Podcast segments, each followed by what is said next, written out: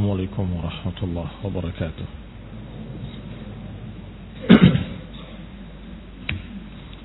إن الحمد لله نحمده ونستعينه ونستغفره ونعوذ بالله من شرور أنفسنا ومن سيئات أعمالنا من يهده الله فلا مضل له ومن يضلل فلا هادي له وأشهد أن لا إله إلا الله وحده لا شريك له وأشهد أن محمدا عبده ورسوله.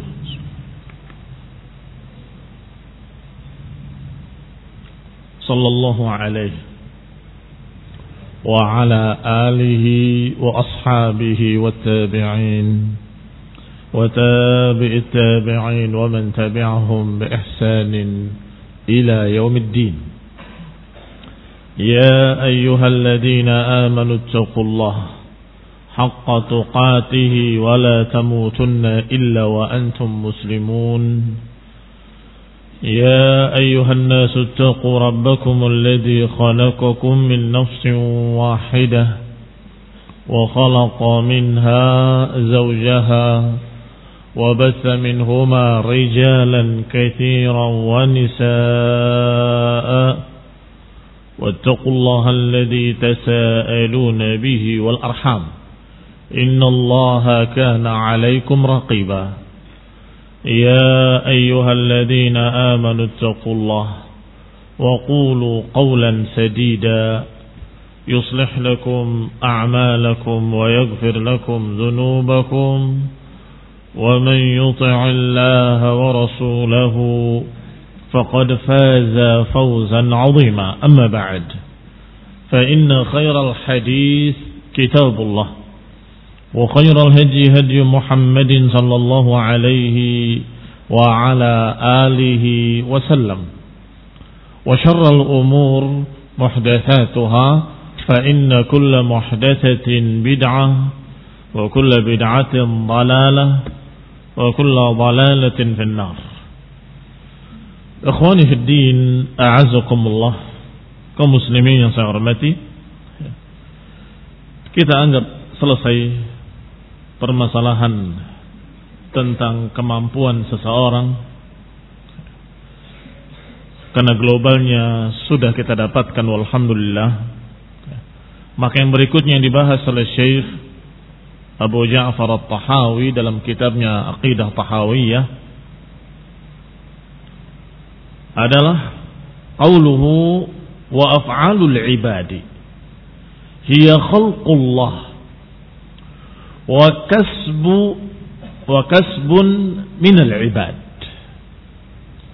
Berkata Abu Ja'far At-Tahawi rahimahullah perbuatan-perbuatan para hamba adalah ciptaan Allah dan usaha dari para hamba. Perhatikan ucapan beliau rahimahullah. Ucapan ahlus sunnah.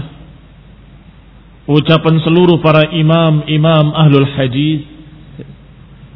Mereka mendudukkan dua perkara dan tidak mempertentangkannya. Bahwa perbuatan-perbuatan para hamba itu adalah ciptaan Allah. Tetapi sekaligus perbuatan-perbuatan para hamba adalah usaha si hamba tersebut. Bagaimana mungkin itu usaha para hamba kok dikatakan ciptaan Allah? Naam. Karena Allah ala kulli syai'in qadir dan Allah khaliqu kulli syai'. Allah menciptakan segala sesuatu termasuk perbuatan para hamba. Tetapi para hamba tadi memiliki upaya dan usaha. Sehingga dia memilih menentukan sebagaimana Allah katakan tentang seorang tokoh kafir Walid bin Mughirah innahu fakkara wa qaddar. Sesungguhnya dia berfikir dan menentukan. Faqutila kaifa qaddar tetapi celakalah apa yang dia tentukan. Thumma qutila kaifa qaddar disebutkan qaddar menentukan memilih si hamba ini. Tetapi karena kekuasaan Allah yang sangat luasnya, apa yang mereka pilih tetap gak lepas dari apa yang Allah kehendaki. Ini kehebatan dan kekuasaan Allah subhanahu wa ta'ala. Inilah kekuasaan Allah yang sangat tinggi. Oleh karena itu Imam Ahmad rahimahullah menyatakan al-qadaru qudratullah. Al-qadaru qudratullah. Yang namanya takdir itu kekuasaan Allah. Mungkin kalian nggak bisa memikirkan bagaimana kok bisa. Bisa bagi Allah. Manusia memiliki ikhtiar Memiliki ikhtiar, yang memiliki usaha dan memilih. Tetapi nggak akan lepas dari apa yang Allah kehendaki subhanahu wa ta'ala. Oleh karena itu, ahlus sunnah adalah golongan yang tengah yang paling bijak menyatakan dengan kedua-duanya bahwa perbuatan-perbuatan hamba adalah hasil usaha si hamba tetapi itu diciptakan ditakdirkan oleh Allah Subhanahu wa taala kita lihat syarahnya dari Ibn Abdul Aziz Al-Hanafi rahimahullah. Ikhtalafa an-nas fi af'al al-ibad al-ikhtiyariyah. Berselisih manusia dalam masalah perbuatan-perbuatan para hamba yang sifatnya ikhtiyariyah. Perhatikan dua perkara. Yang pertama perhatikan ucapan beliau ikhtalafan nas berselisih manusia. Bukan berselisih para ulama, bukan. Karena para ulama ahlu sunnah tidak berselisih. Para imam-imam ashabul hadis ahlu sunnah wal jamaah la yakhtalifun. Mereka tidak berselisih. Ini yang sedang dibahas adalah manusia. Ada berbeda pendapat mereka. Ada yang mu'tazilah, ada yang seperti jabriyah ada yang qadariyah, ada yang seperti jahmiyah. Itu maksudnya. Manusia berselisih. Adapun para imam, imam ahlu sunnah tidak berbeda. Mereka sepakat ijma' menyatakan bahwa perbuatan para hamba adalah hasil usaha dia yang diciptakan oleh Allah subhanahu wa ta'ala. Itu pertama, ikhtilafan nas. Disebut nas. Yang kedua yang perlu diperhatikan mereka berselisihnya, manusia ini berselisih fi af'alil ibad al-ikhtiyariyah. Berselisih manusia tentang perbuatan hamba yang ikhtiyariyah. Karena yang namanya af'alul ibad ada dua jenis. Ada yang sifatnya ikhtiyariyah, ada yang sifatnya iltirariyah. Ittirar sesuatu yang terjadi dengan sendirinya tanpa diinginkan tetapi kalau ikhtiariyah yang dia inginkan, yang dia pilih. Maka yang diperselisihkan oleh manusia adalah yang ikhtiariyah. Adapun yang iltirariyah tidak berselisih manusia. Apa yang iltirariyah? Sesuatu yang tidak diinginkan. Perbuatan para hamba tapi yang tiba-tiba terjadi nggak dikehendaki oleh si manusia tadi. Kejadian-kejadian yang tidak sengaja. Dia sedang berjalan terprosok misalnya. Atau dia sedang berupaya sesuatu tiba-tiba terjadi musibah. Kalau yang tidak dikehendaki oleh para hamba, semua sepakat bahwa itu adalah takdir dari Allah Subhanahu wa taala, bahwa itu adalah sesuatu yang memang sudah ditentukan oleh Allah Subhanahu wa taala. Tapi yang mereka perselisihkan adalah yang ikhtiariah. Saya mau minum. Saya tidak mau minum. Saya ingin keluar, saya tidak ingin keluar. Itu pilihan si orang tadi. Apakah itu juga diciptakan? Apakah itu juga takdir dari Allah Ta'ala? Itu yang mereka perselisihkan. Siapa? Manusia. Adapun para ulama ahlu sunnah tidak berselisih. Maka manusia ada yang berpemahaman dengan pemahaman Jabriyah. Faza'amatil Jabriyatu wa ra'isuhumul Jahm ibn Safwan salah satu pendapat dari manusia adalah golongan Jabriyah. Dari kata Jabr. yang artinya paksaan. Manusia semua dipaksa harus berbuat begini, harus berbuat begitu. Pimpinan mereka adalah Jaham bin Safwan As-Samarqandi. Jaham ibn Safwan. Pencetus Jahmiyah. Mereka berkata anna tadbira fi af'alil khalqi kulliha lillahi ta'ala. Mereka berkata bahwa semua pengaturan-pengaturan dalam perbuatan-perbuatan para hamba semuanya milik Allah Subhanahu wa taala. Wa hiya kulluha idtirariyah. Maka semua itu perbuatan idtirari, perbuatan yang terpaksa harus berbuat begitu. Itu kata Jabriyah. Semuanya dipaksa. Maka mereka mengingkari adanya ikhtiar pada hamba. Ini keanehannya. Nyata-nyata manusia merasa boleh berbuat begini dan bisa berbuat begitu dan silahkan. Nyata. Tidak ada yang menentangnya seorang berakal pun. Tetapi orang ini menentangnya. Jangan-jangan tidak berakal menyatakan perbuatan manusia itu kaharakah al-murta'ish. Perbuatan para hamba itu seperti gerakan-gerakan orang yang gemetar dan menggigil. Sengaja atau enggak sengaja? Gerak sendiri. Kata mereka, perbuatan-perbuatan para hamba sama dengan itu. Bergerak sendiri. Sama dengan gerakan urukun nabidah. Seperti peredaran darah. Gerakan jantung. Yang semuanya bukan ikhtiariyah. Buktinya bukan ikhtiariyah, kamu tidak bisa mengaturnya. Silahkan, kamu atur. Berhenti sebentar, terus jalankan lagi. Tidak bisa. Jantung bergerak sendiri bukan dipimpin oleh kamu. Itu ikhtiariyah. Kata mereka perbuatan lain pun sama seperti itu. Sama kata mereka dengan harakatul asjar. Sama dengan gerakan pohon-pohon. Pohon itu bergerak. Apakah karena dia mau bergerak? Tidak. Pohon itu bergerak karena digerakkan oleh angin, oleh yang menggoyangnya, atau oleh sesuatu yang lain, oleh burung yang hinggap di atasnya, maka dia bukan bergerak karena pilihannya sendiri. Kata mereka, perbuatan para hamba pun sama semuanya seperti itu. Terjadi dengan sendirinya, ditakdirkan dan tidak ada pilihan pada hamba. Terus kenapa dikatakan perbuatan hamba kalau gitu? Qala atau qalu mereka berkata idafatuha ilal khalqi majazun. Disandarkannya kepada makhluk itu sebagai kiasan saja. Bukan makna hakiki, makna kias. Wahia ala hasbi ma yudafu syai ila mahallih.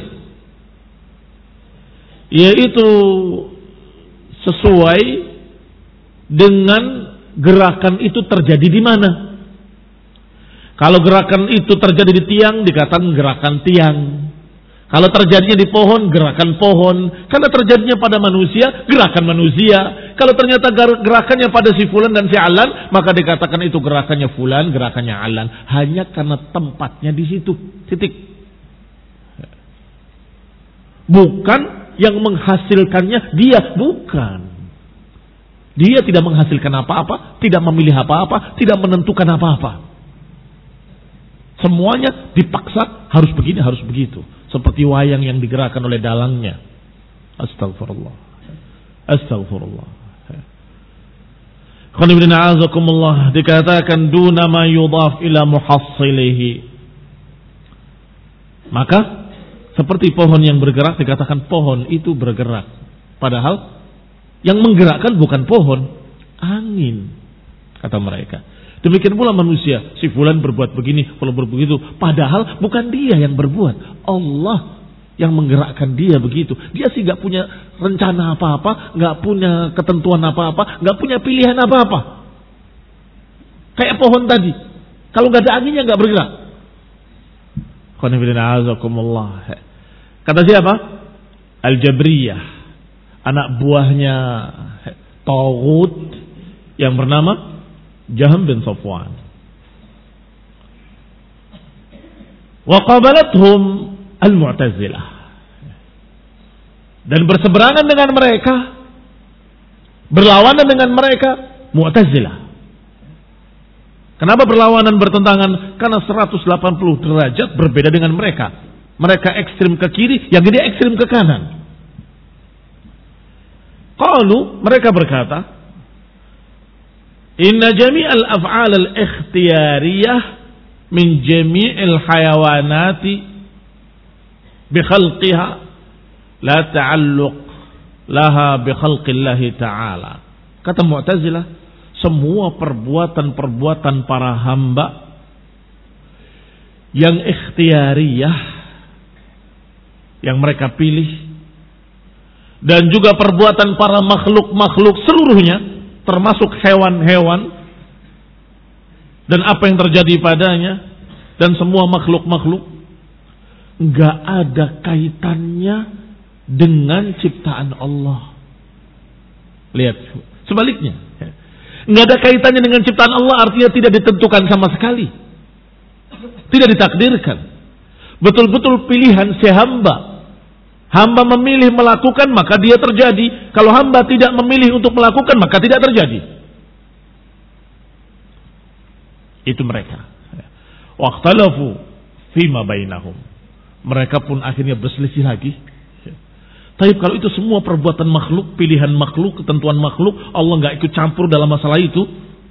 Seperti pembuat jam, setelah membuat selesai, setelah menciptakan jam itu jalan sendiri. Demikian pula Allah menciptakan makhluknya, setelah itu jalan sendiri. Kata mereka. Akhirnya berselisih lagi mereka. Apakah Allah Subhanahu wa taala menakdirkan perbuatan para hamba itu atau tidak menakdirkan? Artinya apakah Allah menentukan si fulan begini, si fulan begitu atau tidak? Sebagian mereka menyatakan Allah menentukan dia akan berjalan di jalan kebaikan. Tapi rinciannya dia sendiri yang milih. Lihat mereka. Yang ini ditentukan akan berjalan di jalan ya, di jalan kesesatan. Rinciannya dia sendiri yang milih. Bukan ditakdirkan oleh Allah Taala. Wa qala ahlul haqqi berkata ahlul haq bahwa af'alul ibad perbuatan-perbuatan para hamba yang biha saru muti'in wa usah yang dengan itu mereka menjadi orang-orang yang taat atau orang-orang bermaksiat semuanya diciptakan oleh Allah Subhanahu wa taala. Wal haqqu subhanahu wa ta'ala munfaridun bi khalqil makhluqat. Dan Allah yang maha hak subhanahu wa ta'ala menyendiri dalam masalah penciptaan tidak ada yang menciptakan selain Allah Subhanahu wa taala. Maka semua yang terjadi dengan ciptaan Allah Subhanahu wa taala. La khaliqa laha siwahu. Tidak ada pencipta lain selain Allah Subhanahu wa taala. Sampai di sini mirip atau tidak dengan yang pertama Jabriyah? Kayaknya mirip ya. Bahwa semua diciptakan oleh Allah Taala. Tetapi masalahnya fal Jabriyah ghalau fi isbatil qadar. Hanya saja Jabriyah gulu ekstrim dalam menetapkan yang ini. Sehingga nafau sun'al ibadi aslan. Mereka akhirnya menafikan perbuatan hamba sama sekali dan menafikan ikhtiar hamba sama sekali, menafikan usaha para hamba sama sekali. Itu sesatnya Jabriyah. Kalau masalah semua diciptakan benar, semua perbuatan hamba diciptakan oleh Allah Taala. Tapi bukan berarti hamba tadi tidak punya ikhtiar, punya. Di situlah perbedaannya. Ahli sunnah beriman bahwa semua yang terjadi dengan takdir Allah, maka semua perbuatan para hamba pun terjadi dengan takdir Allah. Tetapi ahlus sunnah menyatakan para hamba punya ikhtiar, punya pilihan, tetapi tetap apa yang mereka pilih, apa yang mereka tentukan gak akan keluar dari apa yang Allah takdirkan. Adapun Jabriyah menyatakan semua diciptakan oleh Allah. Dari sini masih sama. Tapi selanjutnya, maka kata mereka, hamba tidak punya pilihan apa pun. Maka semua perbuatan mereka adalah taat. Semua perbuatan mereka taat. Karena semuanya ditentukan oleh Allah, ditakdirkan oleh Allah, dipaksa oleh Allah. Yang berbuat baik karena dipaksa oleh Allah, jadi baik. Yang berbuat jelek karena dipaksa oleh Allah, jadi dia berbuat jelek. Maka kedua-duanya sama. Sama-sama taat dengan takdir Allah. Sama-sama tunduk dengan ketentuan Allah, katanya. Na'udzubillah. Lantas syariat untuk apa? Lantas syariat untuk apa ya Jabriyah? Ya Mu'tazilah atau ya uh, Jahm bin Safwan. Karena Mu'tazilah berbeda. Lain lagi nanti. Ya. Kalau semua dipaksa dan semua baik, semua taat, untuk apa syariat?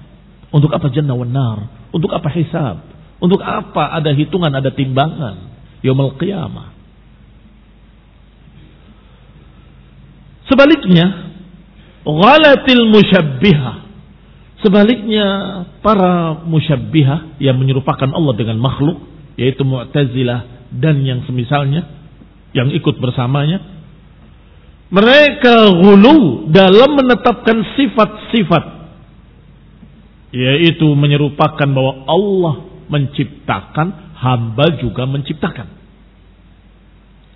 karena dikatakan oleh mereka para hamba tadi menciptakan perbuatannya sendiri, bukan ciptaan Allah. Bayangkan. Ya. Ucapan Mu'tazilah.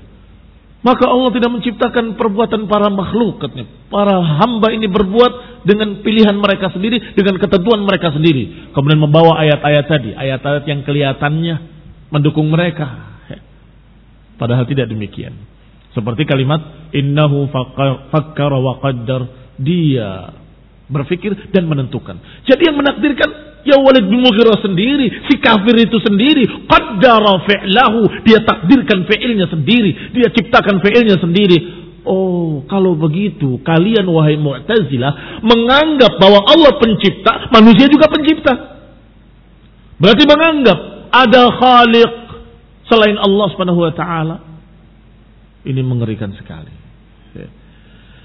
Qala kata Ibnu Abdul Aziz Al-Hanafi rahimahullah Wal qadariyah nufatul qadar. Mu'tazilah dan juga para penolak-penolak takdir Ja'alul ibadah khaliqin. Mereka menjadikan para hamba ini menciptakan perbuatannya sendiri. Berarti mereka anggap para hamba ini juga pencipta. Ma'allah bersama Allah. Allah menciptakan, hamba juga menciptakan. Walihada kanu majusu hadhil ummah. Oleh karena itu mereka dijuluki dengan majusinya umat ini. Qadariyah dijuluki majusinya umat ini. Mengapa dijuluki majusinya umat ini? Karena majusi mengakui dan mengimani kata mereka ada dua Tuhan. Tuhan terang dan Tuhan gelap. Tuhan terang menciptakan yang baik-baik, Tuhan gelap menciptakan yang jelek-jelek. Ternyata Qadariyah juga sama. Menyatakan bahwa Allah menciptakan makhluk, menciptakan para hamba. Tapi dibiarkan kemudian hamba tadi yang menciptakan perbuatannya sendiri. Maka berarti menganggap Allah pencipta, hamba juga pencipta. Ketika hamba berbuat, Allah nggak ikut campur dalam menciptakan sama sekali kata mereka. Berarti si hamba itu murni menciptakan perbuatannya sendiri. Dia menakdirkan perbuatannya sendiri. Dia qaddara. Fakkara wa qaddar. Ya. Majusi. Bal arda minal majus. Bahkan lebih jelek daripada majusi. Limana? Mengapa demikian?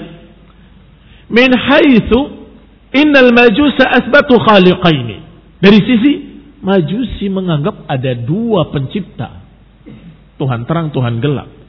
Wahum, sedangkan mereka Qadariyah asbatu khaliqin menganggap ada banyak pencipta bukan cuma dua. Fahum arda minal majusi. Berarti mereka lebih jelek, lebih jahat, lebih busuk daripada majusi. Karena menganggap ada banyak pencipta. Jutaan pencipta. Karena semua hamba menciptakan perbuatannya sendiri.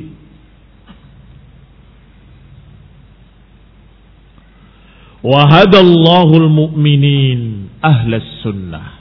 Kata Ibn Abdul Aziz Al-Hanafi rahimahullah. Maka Allah memberikan hidayah kepada orang-orang yang beriman dari kalangan ahli sunnah.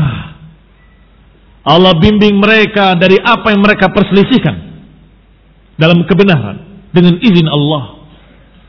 Allah yahdi man yasha ila siratim mustaqim. Allah memberikan petunjuk kepada siapa yang dikehendakinya ke jalan yang lurus. Fakullu dalilin sahihin yuqimuhul jabri. Innama yadullu ala anna Allah khaliqu kulli syai semua dalil yang dipakai oleh Jabriyah. Tapi yang sahihnya ayat atau hadis yang sahih yang mereka pakai semuanya menunjukkan bahwa Allah menciptakan segala sesuatu dan kita katakan na'am Allah menciptakan segala sesuatu Wa anahu ala kulli syai'in qadir. Semua dalil yang dibawa oleh Jabriyah yang sahih yang dalam Quran maka semua itu menunjukkan bahwa Allah atas segala sesuatu maha berkuasa.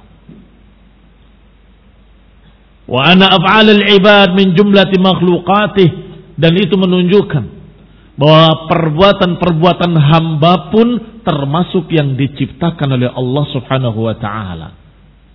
Karena biasa yang mereka bawa yang dibawa oleh Jabriyah adalah kalimat Allahu khaliqu kulli syai. Allah adalah pencipta segala sesuatu tanpa kecuali. Segala sesuatu. Kalau segala sesuatu tanpa kecuali termasuk di dalam keumuman kalimat kulli syai adalah perbuatan-perbuatan para hamba juga diciptakan oleh Allah Subhanahu wa taala. Annahu ma sya'akan wa man lam yasha' lam yakun. Apa yang Allah kehendaki pasti terjadi, apa yang tidak Allah kehendaki gak akan terjadi.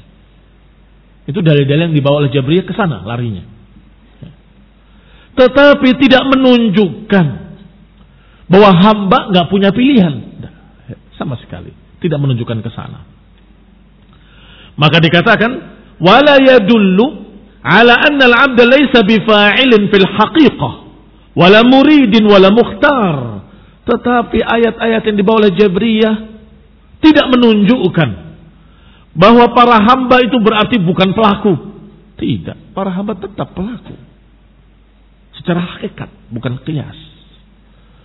Bukan berarti para hamba tidak punya pilihan.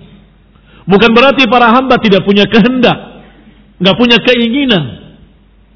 Wa anna harakatahu wa anna harakatihi al-ikhtiyariyah bimanzilati harakatil murta'ish dan tidak menunjukkan bahwa perbuatan para hamba yang ikhtiariyah sama dengan perbuatan yang tidak sengaja atau perbuatan yang dipaksa seperti gemetarnya dia ketika ketakutan, ketika kedinginan menggigil atau ketika bergetarnya jantung dia tidak menunjukkan hal itu. Tidak menunjukkan bahwa perbuatan para hamba seperti pohon yang ditiup angin. Tanpa ada ikhtiar, tanpa ada pilihan, tanpa ada keinginan. Tidak sama sekali, tidak menunjukkan ke sana. Semua dalil-dalil Jabriyah menunjukkan bahwa Allah menciptakan segala sesuatu dan Allah berkuasa atas segala sesuatu dan menunjukkan bahwa semua yang terjadi atas kehendak Allah. Tetapi tidak menunjukkan bahwa hamba tidak punya ikhtiar. Sekarang sebaliknya, golongan lawannya Mu'tazilah dan Qadariyah. Wa kullu dalilin sahihin yuqimuhul qadari semua dalil yang sahih yang ditegakkan dipegang oleh Qadariyah fa innama yadullu ala anna al-'abda fa'ilun li fi'lihi semua dalil mereka itu hanya menunjukkan bahwa hamba-hamba ini punya ikhtiar, punya keinginan menentukan perbuatannya sendiri. Wa anahu muridun lahu mukhtarun lahu haqiqatan dan si orang itu yang memilih, si orang itu yang menentukan, si orang itu yang berbuat, maka orang itu pantas dicerca dan dipuji. Kalau perbuatannya baik, pantas dipuji. Kalau perbuatannya jelek, pantas dicerca. Wa anna idafatahu wa nisbatahu ilaihi idafatun haq atau idafatu haq dan penyandarannya perbuatan itu kepada si fulan, ini perbuatannya si fulan, ini perbuatannya si alan adalah penyandaran yang hakiki, bukan kias. Tetapi wala yadullu ala annahu ghairu maqdur.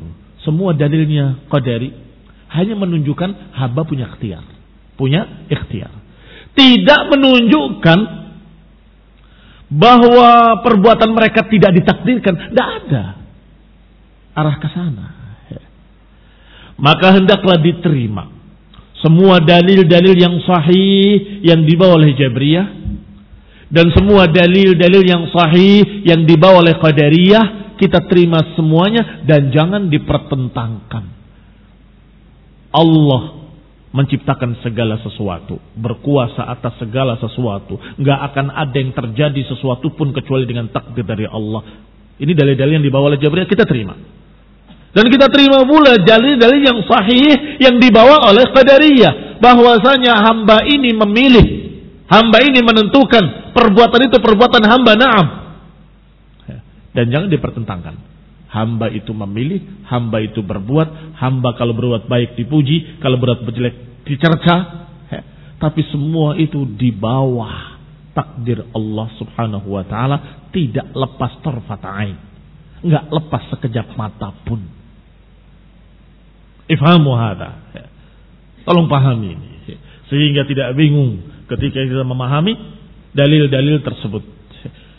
Qala kata beliau kata Ibn Abdul Aziz Al-Hanafi rahimahullah, "Fa idza dhamamta ma ma'a kulli ta'ifatin minhuma min al-haqqi ila haqqil ukhra فإنما يدل ذلك على ما دل عليه القرآن وسائر كتب الله المنزلة من عموم قدرة الله ومشيئته لجميع ما في الكون من الأعيان والأفعال وأن العباد فاعلون لأفعالهم حقيقة وأنهم يستوجبون عليهم المدح والذم Perhatikan terjemahannya. Kalau engkau gabungkan antara dalil-dalil Jabriyah dan dalil-dalilnya qadari, qadariyah. Kamu kumpulkan. Contoh satu saja ya, biar nggak bingung. Dalilnya Jabriyah, Allah menciptakan segala sesuatu. Kamu gabungkan dengan dalilnya Qadariyah. Bahwa si fulan ini menentukan. Innahu fakar wa qaddar. Dia memilih dan menentukan. Kalau kumpulkan dalil ini dalil itu. Kulli ta'ifatin minhuma. Masing-masing kelompok dengan dalil-dalilnya, ayat-ayatnya, kamu gabungkan. Maka akan mendapatkan kesimpulan yang diyakini oleh ahlu sunnah. Kesimpulan yang diyakini oleh para imam, imam ashabul hadis. Yaitu Yadullu dzalika ala ma dalla alaihi al-Qur'an, menunjukkan apa yang ditunjukkan oleh Quran dan semua kitab-kitab yang diturunkan oleh Allah Subhanahu wa taala bahwa qudratullah umum. Bahwa takdir Allah mencakup segala sesuatu. Gak ada yang lepas dari takdir Allah sedikit pun. Wa masyiatuhu li jami'i ma fil kaun. Kehendak Allah mencakup semua yang ada di seluruh alam nggak ada yang lepas sedikit pun dari takdir dan kehendak Allah Subhanahu wa taala. Minal a'yani wal af'al. Apakah dari benda-benda ataupun dari perbuatan-perbuatan, semuanya di dalam kehendak Allah dan takdir Allah. Dan bahwasanya para hamba tadi berbuat dan itu perbuatan hamba. Para hamba tadi memilih dan itu pilihan hamba. Itu pun kita imani bahwa perbuatan itu perbuatannya si hamba tersebut, pilihannya si hamba tersebut sehingga pantas dipuji kalau baik dan pantas dicerca kalau jelek. Pantas dia mendapatkan jannah kalau dia taat pada Allah dan pantas diadab dalam neraka kalau dia menentang Allah. Tetapi karena kekuasaan Allah dan takdir Allah meliputi segala sesuatu, maka apa yang mereka pilih tidak lepas dari takdir. Apa yang mereka pilih nggak lepas dari ilmu Allah Subhanahu wa taala. Bahwa si fulan akan taat, si fulan akan bermaksiat dan Allah sudah catat di Lauhil Mahfuz dan Allah sudah kehendaki. Kaum muslimin yang saya hormati. Ini kesimpulan yang diyakini oleh para imam-imam ahli sunnah tidak ada perbedaan. Walhamdulillah rabbil alamin. Wahada wal waqi' fi nafsil amr. Dan itulah memang yang terjadi fi nafsil amr. Fa inna adillatul haq la tata'arad. Karena dalil-dalil yang hak tidak bertentangan. Dalil-dalil yang hak tidak bertentangan. Hadis-hadis yang sahih tidak bertentangan. Sebaliknya, yusaddiqu ba'duhu ba'dan. Dalil-dalil yang hak saling membenarkan.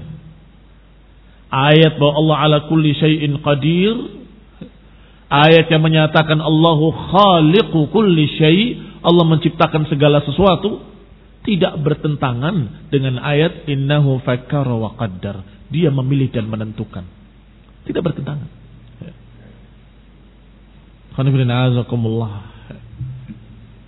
Wa yadhiqu hadzal mukhtasar an dzikri adillatil fariqain. Sempit tempat ini kalau kita akan bawakan semua dalil-dalil mereka. Sempit tempatnya artinya tidak sempat kita bawakan seluruhnya. Karena ini kita bahas secara ringkas. Kata beliau, mukhtasar. Maka tidak cukup kalau kita bawakan seluruh dalil-dalil fariqain, dalilnya Jabriyah dan dalilnya Qadariyah.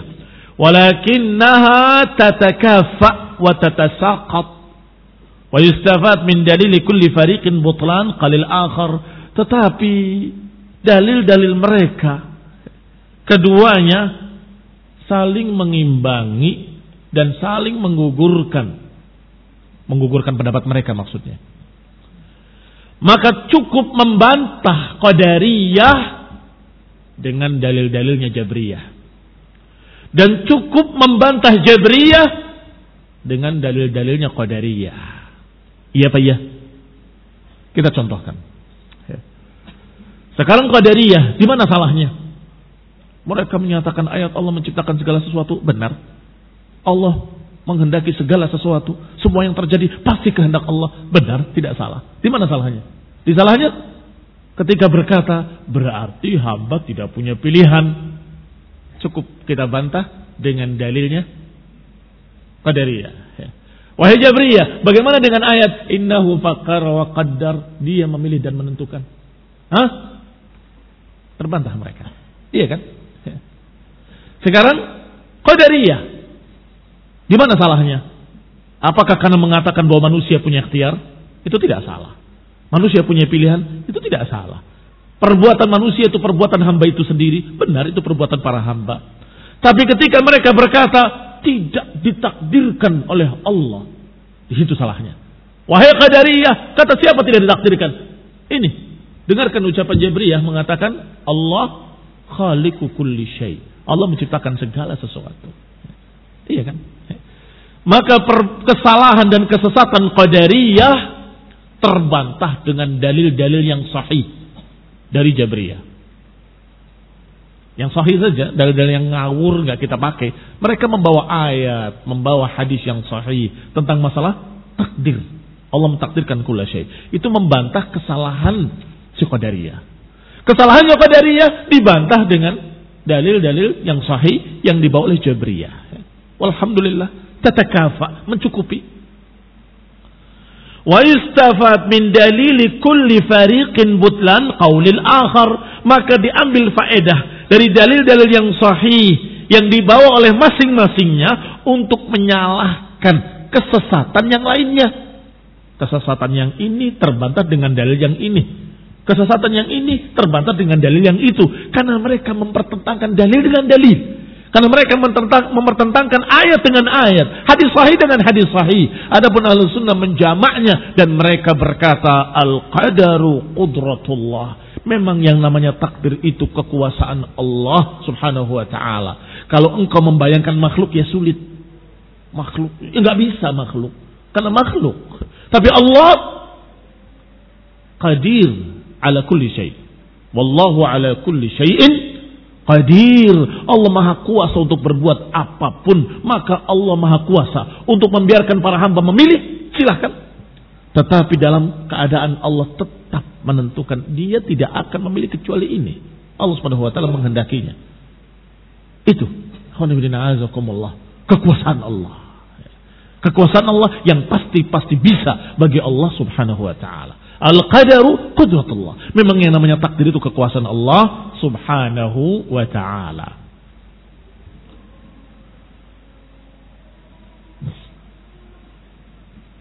Ada salah satu contoh di sini ayat